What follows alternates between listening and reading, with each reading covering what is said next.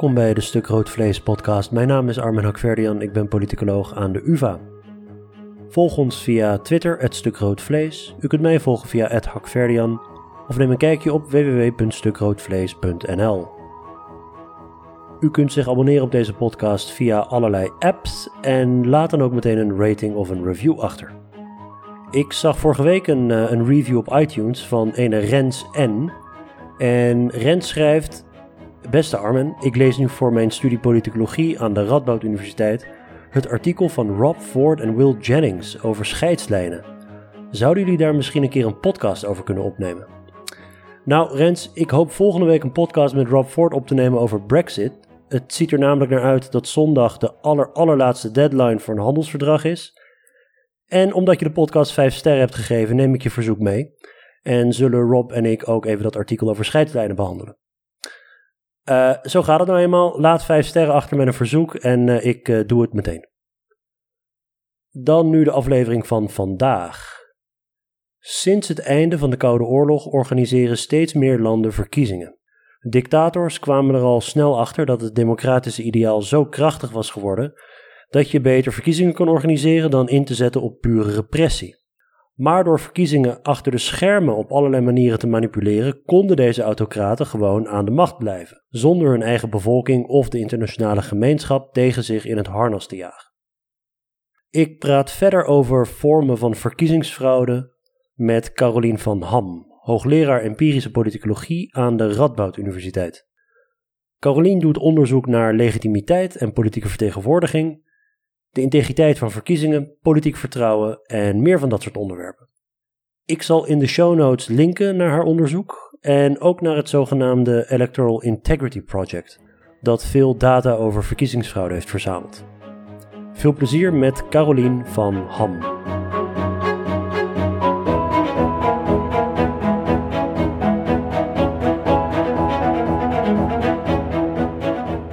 Dag Carolien, welkom bij de podcast. Dag Armin, dank je voor de uitnodiging. Heel leuk om je te spreken over je onderzoek. Misschien kunnen we daarmee beginnen. Wat doe jij zoal in het dagelijks leven? Wat doe ik zoal in het dagelijks leven? Qua. Um, ja, ja, qua onderzoek dan. Hè? ja. Um, ja, mijn onderzoek gaat in brede zin over democratie. Dus ik kijk eigenlijk naar democratisering en autocratisering, in, uh, met name in nieuwe democratieën.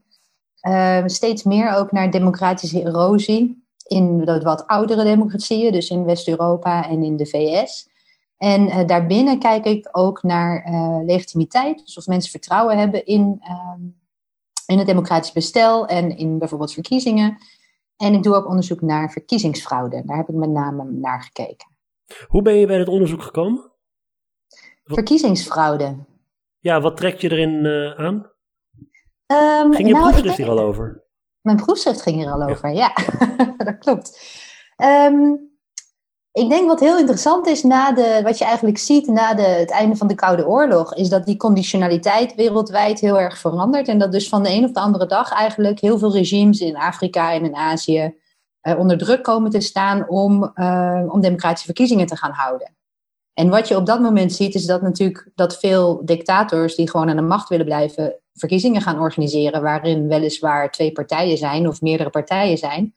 Uh, maar op allerlei manieren proberen die verkiezingen te, te ondermijnen.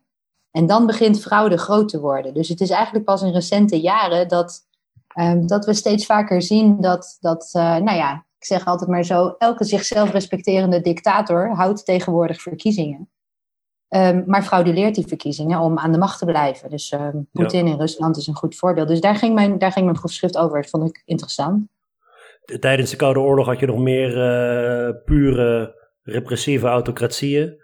En uh, inmiddels is dat idee dat, dat je democratisch moet zijn, is zo krachtig dat de, de autocraten eerder proberen om dan maar verkiezingen te houden, maar die wel te manipuleren. In plaats van vol in te zetten op repressie.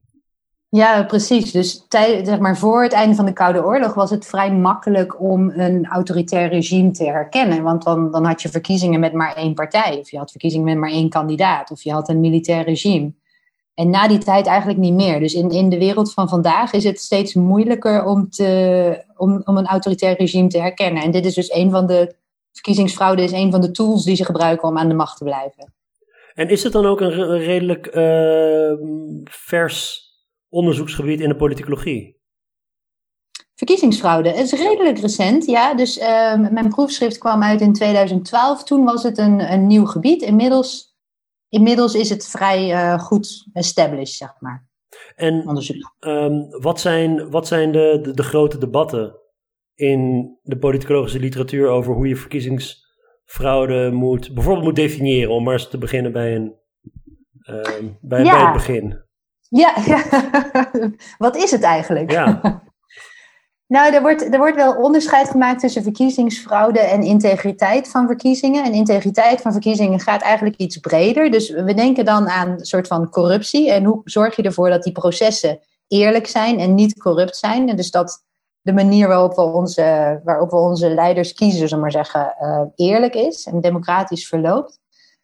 En wat we, wat we meestal, hoe we het meestal definiëren is aan de hand van um, het het electoraal proces. En dus eigenlijk begint dat al ver voor de verkiezingen. Dan heb je het over de kieswet, dan heb je het over het vaststellen van districten, de kiesregisters, en dan de verkiezingscampagne. En op al, al die momenten, dus ook al voorafgaand aan de verkiezingen, kunnen er allerlei dingen misgaan. Uh, dus kiesregisters bijvoorbeeld, uh, wie mogen er wel en niet stemmen? Nou, daar is in de VS heel veel over te doen geweest. Um, en daar, dat zijn, zijn vaak problemen mee in landen waarbij ze hun burgers niet zo goed administreren, zeg maar. Um, en daar kan je mee frauduleren, daar kan je de verkiezingen mee manipuleren. Nou, dan heb je op verkiezingsdag ook allerlei mogelijkheden om de integriteit van verkiezingen te ondermijnen. Uh, bijvoorbeeld door, uh, door valse stembiljetten te gebruiken, uh, die alvast in de ballotbox te stoppen. je kunt ook creatief tellen. Als je mensen hebt in het stembureau die, die naar jou tellen. luisteren. Creatief tellen, dus een leuk voorbeeld daarvan is in Rusland heb je uh, in best wel veel stembureaus heb je soms opkomst van 100, uh, 102, 103 procent. Nou, dus dat is een voorbeeld van creatief tellen. Ja. Uh, ja, nou ja, dus zo zijn er, eh, je hebt zo'n heel proces en nou ja, ook de verkiezingscampagne, de media, de financiering van de campagnes en vervolgens na de dag zelf natuurlijk het optellen van de stemmen. En worden wel alle stemmen gesteld. Um, en als er problemen waren, kun je dan wel naar de, naar de rechter gaan om, uh, om te checken of het proces ook daadwerkelijk goed was. Ja. Dus um, ja, dat is een beetje verkiezingsintegriteit, dat hele, dat hele, die hele cycle. Maar je had het net bijvoorbeeld over uh, dat verkiezingen eerlijk moeten zijn. Wat betekent dat? Eerlijk is niet een heel um, concrete term, namelijk. Nee, is het niet. Uh, maar ik denk als je bijvoorbeeld naar uh, nou ja, politieke theoretici kijkt, als Robert Dahl, die zegt altijd dat democratie gedefinieerd wordt door participatie en competitie. Hè? Dus er zijn nu internationaal zijn er normen voor uh, hoe verkiezingen zouden moeten werken als ze democratisch zijn. Die zijn ontwikkeld door verkiezingswaarnemersmissies. dus bijvoorbeeld de OVSE doet altijd waarnemingsmissies, maar ook de EU doet waarnemingsmissies. En die zijn samen overeengekomen een aantal criteria waaraan ze de integriteit van verkiezingen afmeten. Uh, dus aan de participatiekant gaat het dan over uh, universal suffrage, dus kiesrecht. Uh, mogen de mensen die, die burgers zijn, mogen die ook stemmen of worden ze tegengehouden bij, in het stemmen? En aan de kant van competitie zit zeg maar, kunnen, kunnen inderdaad alle politieke partijen en alle kandidaten meedoen met deze verkiezingen. En hebben ze dan ook, ja, dat is wat ehm, de Witsky zou noemen een level playing field. Dus is het zo dat de zittende regering gebruik maakt van uh, bijvoorbeeld uh, van uh, campagnegelden of hun ambtenaren inzet om voor hun campagne te voeren? Want dan, is, dan, zou, dan zou de competitie niet eerlijk zijn, zeg maar. Dan hebben de oppositiepartijen minder kans. En dus bij eerlijkheid hoort ook ehm, dat, dat stemmen even zwaar tellen waarschijnlijk. Ja. daar, is, daar is tegelijkertijd, vind ik dat wat, wat ik wel interessant vind, of je dan dus eigenlijk, als je kijkt naar bijvoorbeeld uh, kiesstelsels, hè, dus uh, een proportioneel kiesstelsel of een meerderheidskiesstelsel. In heel veel meerderheidskiesstelsels is het eigenlijk bij, door, is het, is het ontwerp dusdanig, ik bedoel expres, zo in elkaar gezet dat bijvoorbeeld rurale gebieden uh, zwaardere stemgewichten krijgen dan urbane gebieden. Is mhm. dat dan al een vorm van wordt daar al de integriteit geschonden van verkiezingen. Want die stemmen die tellen niet even zwaar. Dat, dat, dat is, in Amerika is dat dit jaar ook weer uh, uitgerekend. Dat is eigenlijk al heel lang zo. Uh, ja, gegeven dat, dat Californië twee uh, senatoren heeft en Nebraska heeft twee senatoren. En het kiescollege dus daarvan mede afhankelijk is. De, de Californiaan en de Nebraskaan, die worden ongelijk meegewogen. Precies, en, en, in zekere zin is dat ook in, in, in dat soort systemen natuurlijk bewust voor gekozen om ervoor te zorgen dat ook die regionale vertegenwoordiging eh, in zekere zin gelijk is. Dus dat is wel interessant. Ik denk ook die afspraken over wat verkiezingsintegriteit inhoudt, die zijn internationaal gemaakt. En daarin zie je dus dat kiesstelsels buiten beschouwing worden gelaten. Ja, dat vind ik heel merkwaardig. Gezegd, precies, maar daar wordt dus gezegd, nou ja, dat is de keuze van een land zelf. Uh, hè, wat voor een kiesstelsel je kiest, dat, dat, uh, want dat, nou ja, dat is jullie democratie, dat is hoe jullie het vormgeven, dat moet je zelf weten.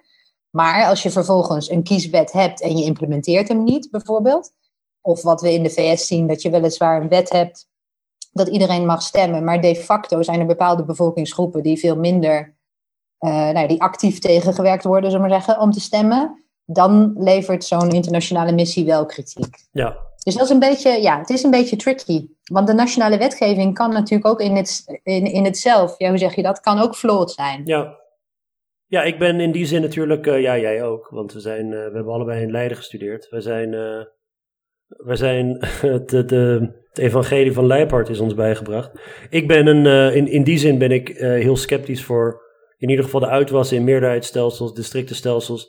Juist omdat zij volgens mij de eerlijkheid van verkiezingen niet op zo'n manier kunnen garanderen. Um, en dan hebben we het nog niet eens over dingen als gerrymandering en, en dat.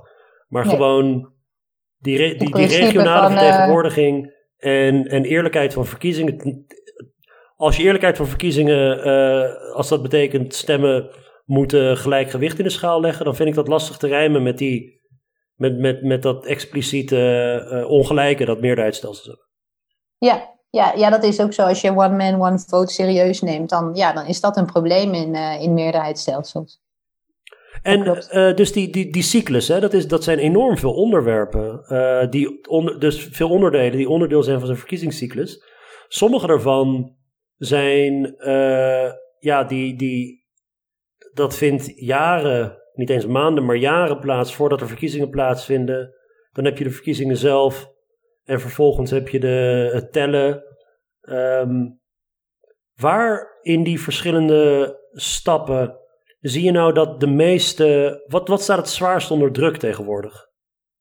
Hmm. Want we leven in zo'n uh, een soort van terugval van democratie, een soort van erosie van democratie wereldwijd.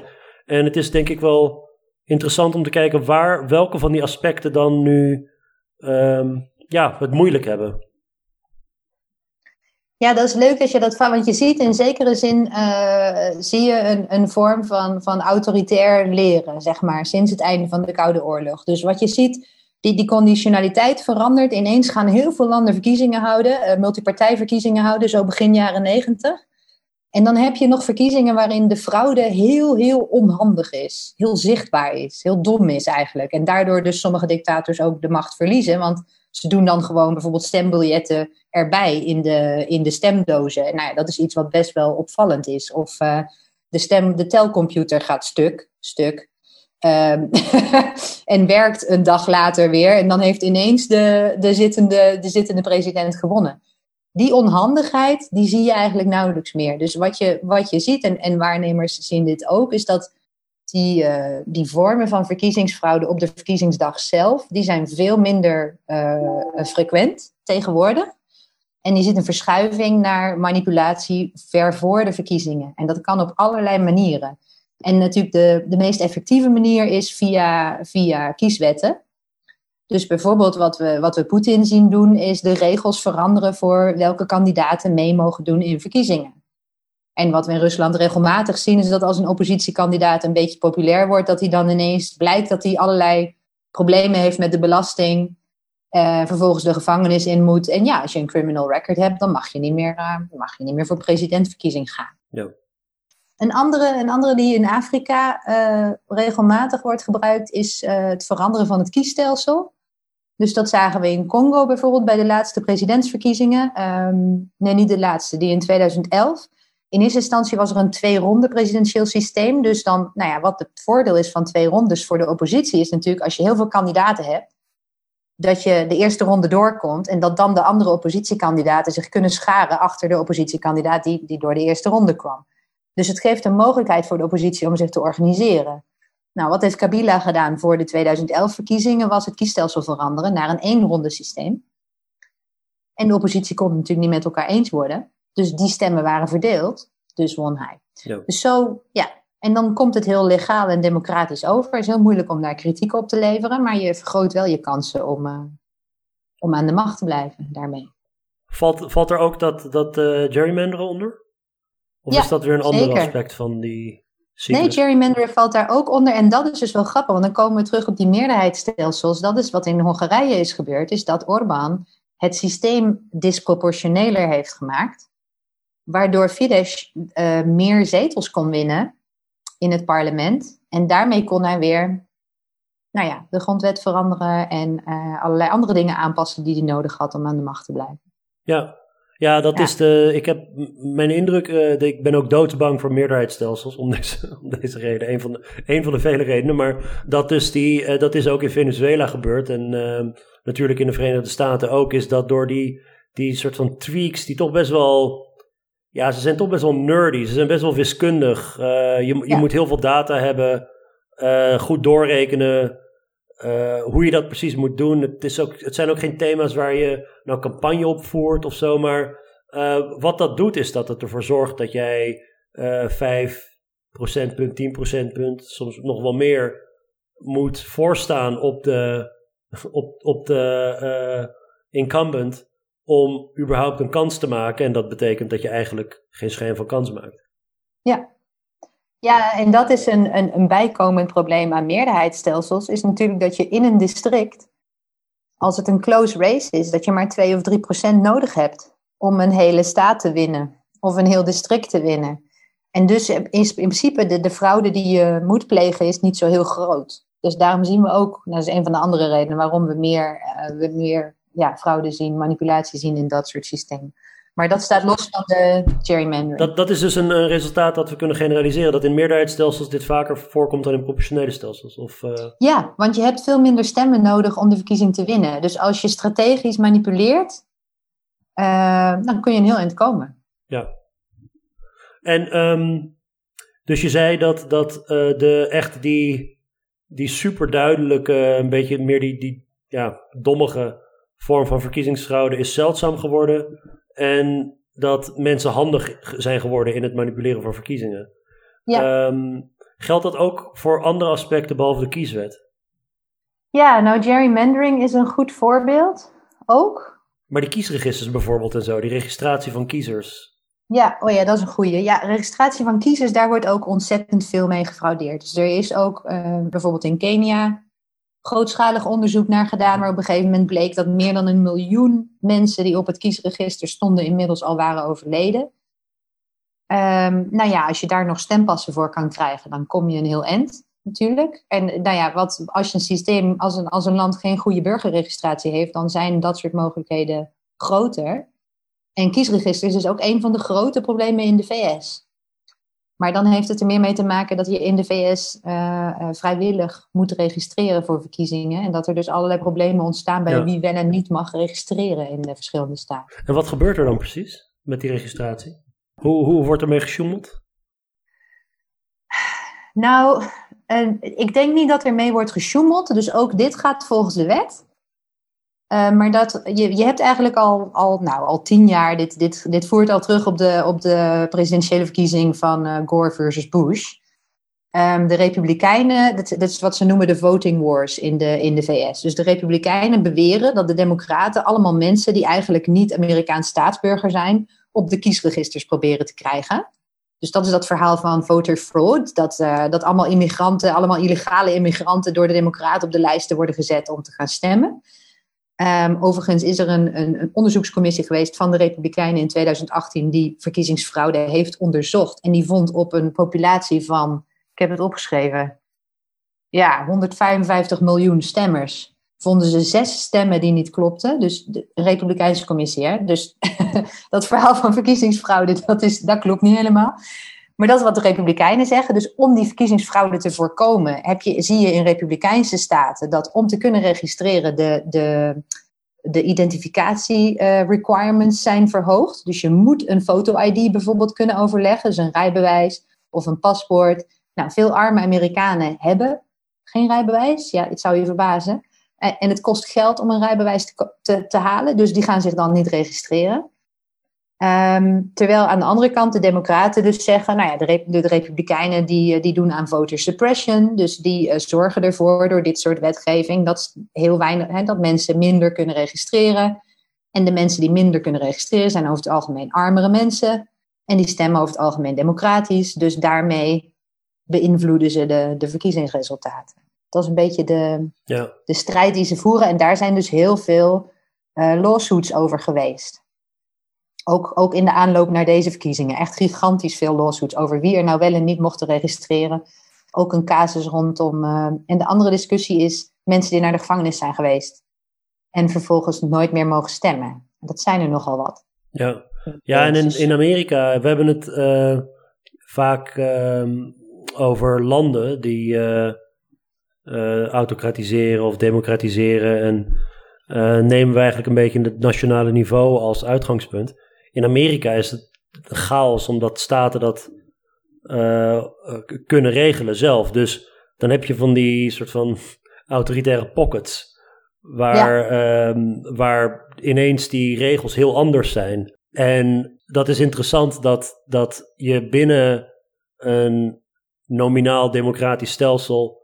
Je, dus als, als bijvoorbeeld een aantal van die uh, wetgeving over uh, gevangenen, of over, over voter ID, als dat in heel Amerika zou gelden, gemiddeld genomen zou Amerika dan al lang niet meer als een democratie worden bestempeld. Wat volgens mij um, niet eens zo gek is om te doen, zoals ik bij een vorige podcast heb gezegd. Maar uh, het is wel, het is heel gek dat dat, of in Amerika is het heel bijzonder dat dat, dat, dat verschil tussen die verschillende staten zo groot is.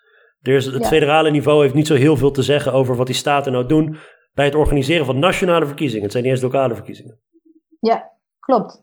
En daardoor heb je dus ook, en dat maakt het ook moeilijk om overzicht te krijgen in, in Amerika, omdat eigenlijk de situatie rondom verkiezingsintegriteit ook voor iedere staat anders is. Mm. Uh, omdat ze andere regelgeving hebben, omdat ze andere regels hebben rondom uh, briefstemmen, rondom wie er wel en niet mag registreren, rondom die, die gevangenen, of ze wel of niet mogen stemmen. Ja, dus dat maakt het overzicht heel, uh, heel lastig. En ook creëert ergens ook rechtsongelijkheid tussen burgers natuurlijk, maar zo zien zij dat niet. Ja. ja. Eén, één onderdeel van, die, van dit hele soort van die, die, die vergaarbak aan al die verschillende aspecten van, van integriteit van verkiezingen is ook de wie uiteindelijk de geschillen behandelt of oplost. Want het, het is heel logisch, denk ik, dat er conflict kan ontstaan. Um, en dat is ook weer zoiets dat in Amerika in verschillende staten heel anders wordt, wordt geregeld. Maar je hebt soms onpartijdige commissies, en dat zul je in andere landen ook hebben. En soms zijn het mhm. politici die beslissen over dingen als waar de, waar de grenzen worden getrokken of wie zich maar registreren of niet. Uh, in Amerika is het soms, gaat het zo ver dat zelfs over je eigen verkiezing, als jij in een staat, dat was in Georgia was het zo, uh, een paar jaar geleden, de, het monitoren van de integriteit van die verkiezingen werd gedaan door iemand die zelf verkiesbaar was gesteld.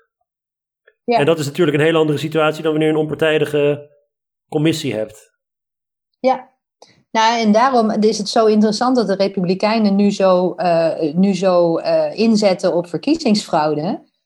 Um, want als je kijkt naar wat zij de afgelopen jaren hebben gedaan om het district, uh, het, het, het, districten outline naar hun hand te zetten en, um, en nu invloed te krijgen ook op het, op het tekenen van de nieuwe districten. Um, het systeem is meer uh, richting de in het voordeel van de Republikeinen op dit moment. Als je kijkt naar, naar gerrymandering en, uh, ja.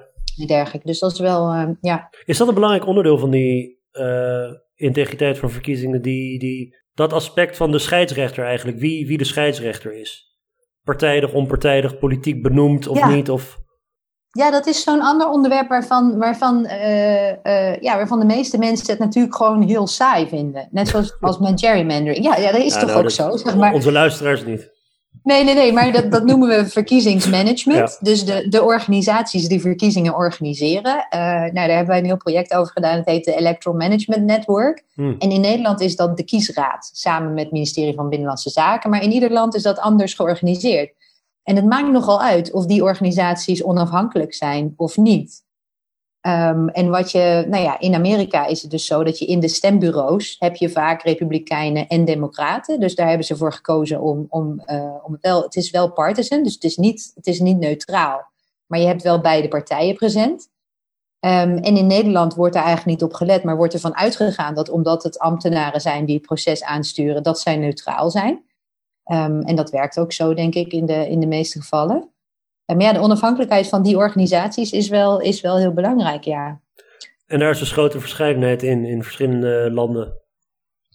Ja, in Rusland zijn dat allemaal, uh, zijn dat allemaal leden van de partij van Poetin. Dus jij komt niet in een stembureau als je niet, um, als je niet uh, party member bent.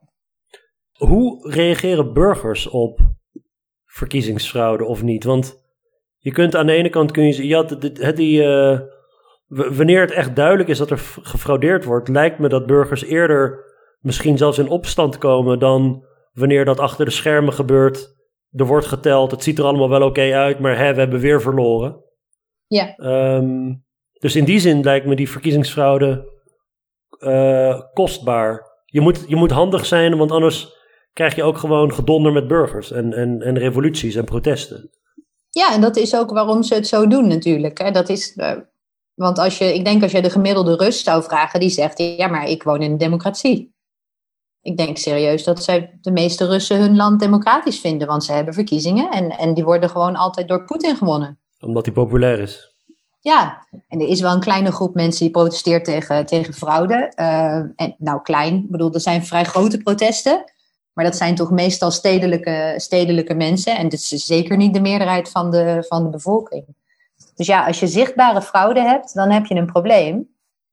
Wat nu het probleem is in de VS, is natuurlijk dat er geen fraude is, maar dat veel mensen denken dat er wel fraude was. En dan heb je een nog groter probleem, want dan heb je mensen die het verkiezingsproces niet meer vertrouwen, terwijl het eigenlijk gewoon goed uitgevoerd was. Ja, dat is heel, uh, heel dubbel. Hoe, hoe gaat dat straks in Nederland? Want we moeten die verkiezingen dus blijkbaar. Ja, goed, ik. Uh ik moet je zeggen, over het algemeen uh, denk ik dat we in Nederland de verkiezingen best goed hebben georganiseerd. Ook als het gaat om, om zaken als registratie voor kiezers. Dat kennen wij eigenlijk niet. Nee. Uh, het is heel moeilijk om mensen in Nederland uit het stemrecht te, te ontzeggen. Over het algemeen is er niet zo heel veel te doen ook over stemlocaties. Uh, opkomst is ook gewoon hoog. Ja. Uh, een paar jaar geleden had je natuurlijk wel die stemmachines en tegenwoordig niet meer. Daar was dat, maar dat is. Straks moeten we waarschijnlijk die verkiezingen gaan organiseren in tijden van corona.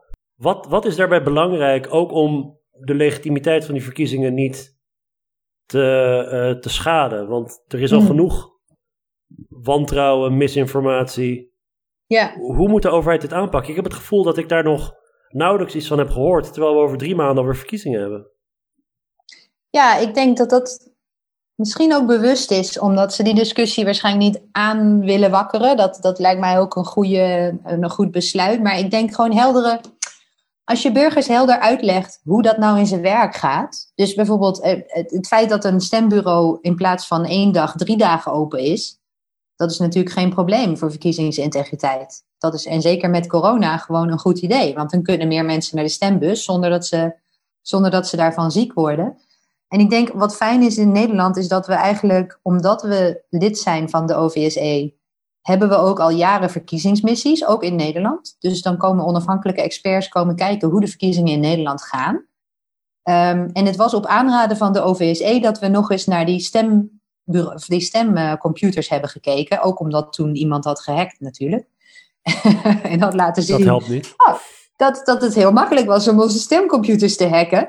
Maar het voordeel is, wat je dan dus in Nederland ziet, is dat, oh, dat is zo. Oké, we gaan meteen weer terug naar briefstemmen, want, of uh, papierstemmen, want papierstemmen is veiliger. Um, dus ik denk, je hebt die OVSE die oplet. De, de Nederlandse regering en de kiesraad reageren ook heel snel op dat soort, op dat soort adviezen. Ehm, dus je hebt, je hebt denk ik weinig, weinig uitdagingen voor verkiezingsintegriteit in Nederland. De enige twee die ik kan bedenken, en nou, dus één is waar de OVSE al jaren kritiek op heeft, is het feit dat je in Nederland mensen kan machtigen ja. om voor jou te stemmen. Precies. Nou ja, daar, daarvan is het idee dat als, dat kan misbruikt worden. Dus, dus stel, jouw partner dwingt jou om, om, uh, om je stem weg te geven. Dat kan. Of je kan je stem verkopen, want je kan dan iemand anders machtigen. Nou, we hebben niet heel veel bewijs dat dat veel gebeurt in Nederland, maar het zou kunnen. En daarom zegt de OVC dus van nou, dat, dat zou eigenlijk niet moeten mogen. Het is puur op basis van vertrouwen, toch? Dat machtigen. Dus iemand, ja. uh, iemand kan mij machtigen en zeggen stem op uh, partij X. En ik zeg ja, ik zal op de partij X stemmen, maar in het stemhokje uh, kan niemand dat controleren. Het is niet dat die persoon aan het stembureau, of dat ik aan het stembureau moet laten zien. Nou goed, mijn partner bijvoorbeeld wil partij Y stemmen. Nee, ja. het is gewoon, zij heeft een stem. helemaal niet te ik, laten zien. Ja. ja, ik weet nog toen ik, maar dat is het interessante, want dat laat ook zien hoe belangrijk vertrouwen is voor het functioneren van, van die democratische processen. Want het is eigenlijk doordat fraude veel meer voorkomt in nieuwe democratieën en doordat wij daarheen gaan en daar onderzoek naar doen en daar missies naartoe toesturen, zagen we ineens, oh, oh, oh, maar dit is ook een optie voor, voor frauderen. Daar hadden we in onze eigen democratie nog nooit over nagedacht. Maar nu beginnen we daar meer over na te denken natuurlijk, ook omdat het in de VS is voorgekomen. Maar ik weet nog, toen ik studeerde, dan ging ik standaard met een boodschappenlijstje van al mijn huisgenoten. Gewoon met een boodschappenlijstje, twee keer VVD, drie keer GroenLinks, weet je wel? Zo, van acht mensen en acht paspoorten in de hand ging ik naar het stembureau. Hè, maar mag je zoveel mensen, zoveel mensen mogen je machtigen? Toen wel, inmiddels niet meer. Okay. Inmiddels mag je geloof ik nog maar, uh, mag je, geloof ik nog maar drie. Maar, uh, maar daar dachten we toen helemaal niet over na. Dat was gewoon, natuurlijk ging ik voor hun stemmen. Geen probleem. Ik heb daar ook nooit misbruik van gemaakt of zo. Maar als je, erover, als je er nu over nadenkt, ja, we leven nu in een andere wereld. Dus uh, nee, ik denk het enige wat in Nederland belangrijk is, is als er veel gebruik wordt gemaakt van briefstemmen. Wat waarschijnlijk nodig gaat zijn in de context van corona, dat, dan, dat er dan een informatiecampagne komt over hoe dat dan werkt. En dat dus om uit te leggen, dit is hoe het proces gaat, we volgen een stem. Uh, dat je burgers ook laat zien van dat het niet zo is dat een postbode bijvoorbeeld een zak met stemmen gewoon in de vaart kan gooien. Weet je wel? Dat, is, dat is denk ik wel heel belangrijk. Dus hoe gaat daar... dat dan georganiseerd worden? Of wat is doorgaans de manier waarop zo'n briefstem georganiseerd moet worden? Nou, in Nederland mag je volgens mij alleen per brief stemmen als je in het buitenland woont. Maar dat, dat weet ik niet zeker hoor, wat de regels daarvoor zijn. Maar dat moet je aanvragen en dat moet je ver voor de verkiezingen aanvragen. En dan krijg je dus een stembiljet thuisgestuurd. En dan mag je volgens mij ook niet meer naar het stembureau gaan. Dan is gewoon, dat is je, dat is je stembiljet, zeg maar. En die heeft een unieke code. En nou, die vul je in en die stuur je dan per post terug. En dan krijg je een berichtje als hij is aangekomen, als hij is geregistreerd. Dus als hij niet is aangekomen, kun je dat ook doorgeven. Uh, dus ja, zo kun je het wel vrij veilig organiseren. Maar ik kan me voorstellen dat we nu met corona meer mensen die mogelijkheid willen geven.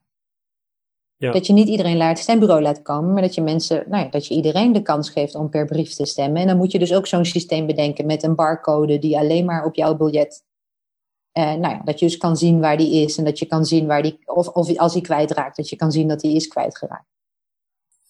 Ja, ik maak me een beetje zorgen om de informatiecampagnes. Straks als de verkiezingen komen, of het dan niet al te laat is. Ook omdat we tegelijkertijd waarschijnlijk een enorme uh, informatiecampagne moeten, die moet ook nog op gang komen over vaccinatie. En dat dat, dat, dat niet gevaarlijk is. Het, is het, het lijkt alsof ze. Uh, ik weet niet of het genoeg is om een aantal spotjes op te nemen en een flyer uit te delen. Ik, om, dit, dit is zo belangrijk voor mijn gevoel. Misschien hmm. beroepsdeformatie, omdat ik een politicoloog ben. Maar de verkiezingen uh, en het, het, het, de perceptie van burgers dat die eerlijk zijn verlopen is voor mij zo belangrijk dat ik liever eerder actie had gezien. Maar... Ja, nou ja, ik denk dat iedere gemeente ook nog aan het bedenken is hoe ze het gaan organiseren. Dus het is, want het is ook echt een mega logistiek proces natuurlijk. Um, ja, niet om dat te verdedigen hoor. Maar ja, ik denk, je moet het gewoon helder uitleggen. En dan, en dan snappen mensen ook, oh ja, goed, inderdaad, hij kan niet kwijtraken, want dan zie je dat hij kwijt is, zeg maar. Dus ik denk dat dat de geruststelling is die de meeste mensen willen, willen hebben. Maar ja, er zit ook een grens aan, hè? want je moet gewoon vertrouwen dat de mensen in het stembureau jouw stembiljetten tellen. En dat zijn allemaal betrokken burgers die dat doen omdat ze de democratie belangrijk vinden en de verkiezingen belangrijk vinden. En ja, als we daar niet meer op kunnen vertrouwen, dan, dan houdt het een beetje op. Want die kun je niet allemaal controleren. Uh, tot slot, we zien bijvoorbeeld dus in een land als de Verenigde Staten dat uh, er tientallen miljoenen kiezers zijn die nu geloven dat de verkiezingen gestolen waren. Hoewel daar geen bewijs voor bestaat. Uh, een enorme groep kiezers van wie waarschijnlijk het politiek vertrouwen deuk heeft opgelopen. Natuurlijk heel erg ook vanuit de uh, rechtse media en, en de vrienden van Trump ingezet. Maar het netto resultaat is dat, er, dat, dat die legitimiteit van het stelsel in hun ogen een flinke deuk heeft opgelopen. Valt dat nog te repareren? Ja, ik, ik denk wel dat het valt te repareren. En ik denk eigenlijk op twee manieren. Dus aan de ene kant is het, is het, het signaal wat politieke leiders afgeven over. Um, hey, we hebben afgesproken dat we per brief mochten stemmen. Je kunt niet zomaar mensen. Je kunt niet zomaar 5 miljoen stemmen, waarvan we hebben afgesproken dat we ze mee gingen tellen voor de verkiezingen. Want ze hadden nog een rechtszaak aan kunnen spannen voor de verkiezingen. En die hebben ze niet, niet, niet gewonnen. Je kunt niet zomaar zeggen, oh, de, de resultaten zijn niet wat ik wil, dus ga ik maar de helft van de stemmen niet meetellen. Dus ik denk dat signaal terug te geven is heel belangrijk. En wat je nu ziet is gewoon dat de Republikeinse Partij helemaal niks doet om tegen Trump in te gaan. Dus dat is wat mij betreft echt het allergrootste probleem. Het signalering vanuit politieke leiders van ja, eh, mensen, dit is niet hoe een, hoe een competitie werkt. Hè? Je spreekt van tevoren de regels af en dan wint iemand. Dan kun je niet zeggen we gaan de regels aanpassen, want ik heb niet gewonnen. Maar er is totaal geen enkel, uh, enkel zicht op verbetering. Als, het, als we de hoop moeten leggen bij de top van de Republikeinse Partij om, uh, om dit aan te kaarten. Zij zijn juist de aanjagers van deze fraude. En ook de, de, de perceptie de van de fraude. Ja. Ja, ja, ja, precies. Nou ja, en dat is dus het wonderbaarlijke. Maar dat is natuurlijk het wonderbaarlijke van de afgelopen vier jaar in de VS. Dat dus kennelijk uh, de meerderheid van de Republikeinen hun eigen baan belangrijker vindt dan de toekomst van de democratie in hun land. Want dat is waar het op neerkomt. Ze zijn bereid om het helemaal naar de kloten te laten gaan als ze zelf maar aan de macht blijven. En dat is werkelijk waar, ja, wat mij betreft, uh, heel bijzonder. Maar er is nog een ander aspect dat denk ik uh, dus wat andere burgers zouden kunnen doen op het staatsniveau heb je heel veel mensen die betrokken zijn bij het organiseren van die verkiezingen. En dat is gewoon hun werk. En daar zitten ook heel veel republikeinen bij. Ja, als jij aan burgers kan uitleggen van dit is hoe het proces is georganiseerd. Kijk, dit is hoe het werkt. Als er dan een, als er dan een stembiljet binnenkomt en de handtekening is niet duidelijk, want ze doen heel vaak verificatie van handtekeningen. Dus dan sta je in het kiesregister met een handtekening. Klopt dat met de handtekening op je stembiljet? En als het niet klopt, dan wordt die stembiljet niet meegeteld. Um, en ja, als, je, als, als ze dat, nou, ik denk ook gewoon informeren van dit is hoe het proces werkt. Net als wat ik zei bij dat briefstemmen. Dat je zegt er zit een barcode op, als die niet aankomt, dan kan je dat zien, et cetera, et cetera. Dit zijn, de, de manieren waarop we controleren dat je stem daadwerkelijk wordt meegeteld. Dat burgers dat wel geloven. Um, maar wat, dus, wat zo jammer is in de VS, en dat is wel een beetje, dus daar heb ik niet het antwoord op, is bijvoorbeeld in een staat als Arizona hebben ze gezegd, oh nou, burgers maken zich zorgen om verkiezingsfraude. Weet je wat we doen? We doen in ieder stembureau een camera. Nou, dat hebben ze gedaan. Vervolgens zagen mensen op die camera dat mensen van het stembureau een pen pakten en op het biljet iets aan het opschrijven waren. En dus zijn er nu allemaal filmpjes op YouTube. Ja, die biljetten zijn aangepast. En, maar wat ze deden, en dat mag volgens de wet in Arizona, was die handtekening. Als die niet duidelijk is, dan moet je hem overtrekken.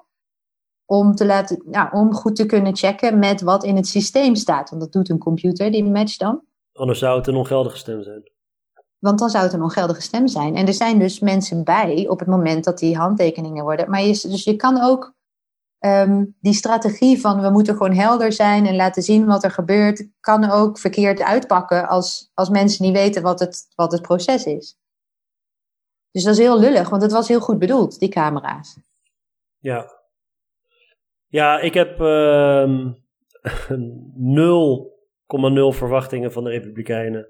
Dat zij dit uh, zullen op de een of andere manier, dat er vanuit die partij iets wat ook maar te maken heeft met democratie, uh, dat, dat, dat, dat, dat dat bij hun de boventoon voert. Het is denk ik uh, op dit moment een, een antidemocratische partij uh, geworden. Um, voor Trump eh, waren ze er al mee bezig en nu is het echt in overdrive. Wat er daar gebeurt is ook het ondermijnen van de eigen verkiezingswinst. Want er zijn natuurlijk heel veel republikeinen die in deze verkiezingen zijn verkozen.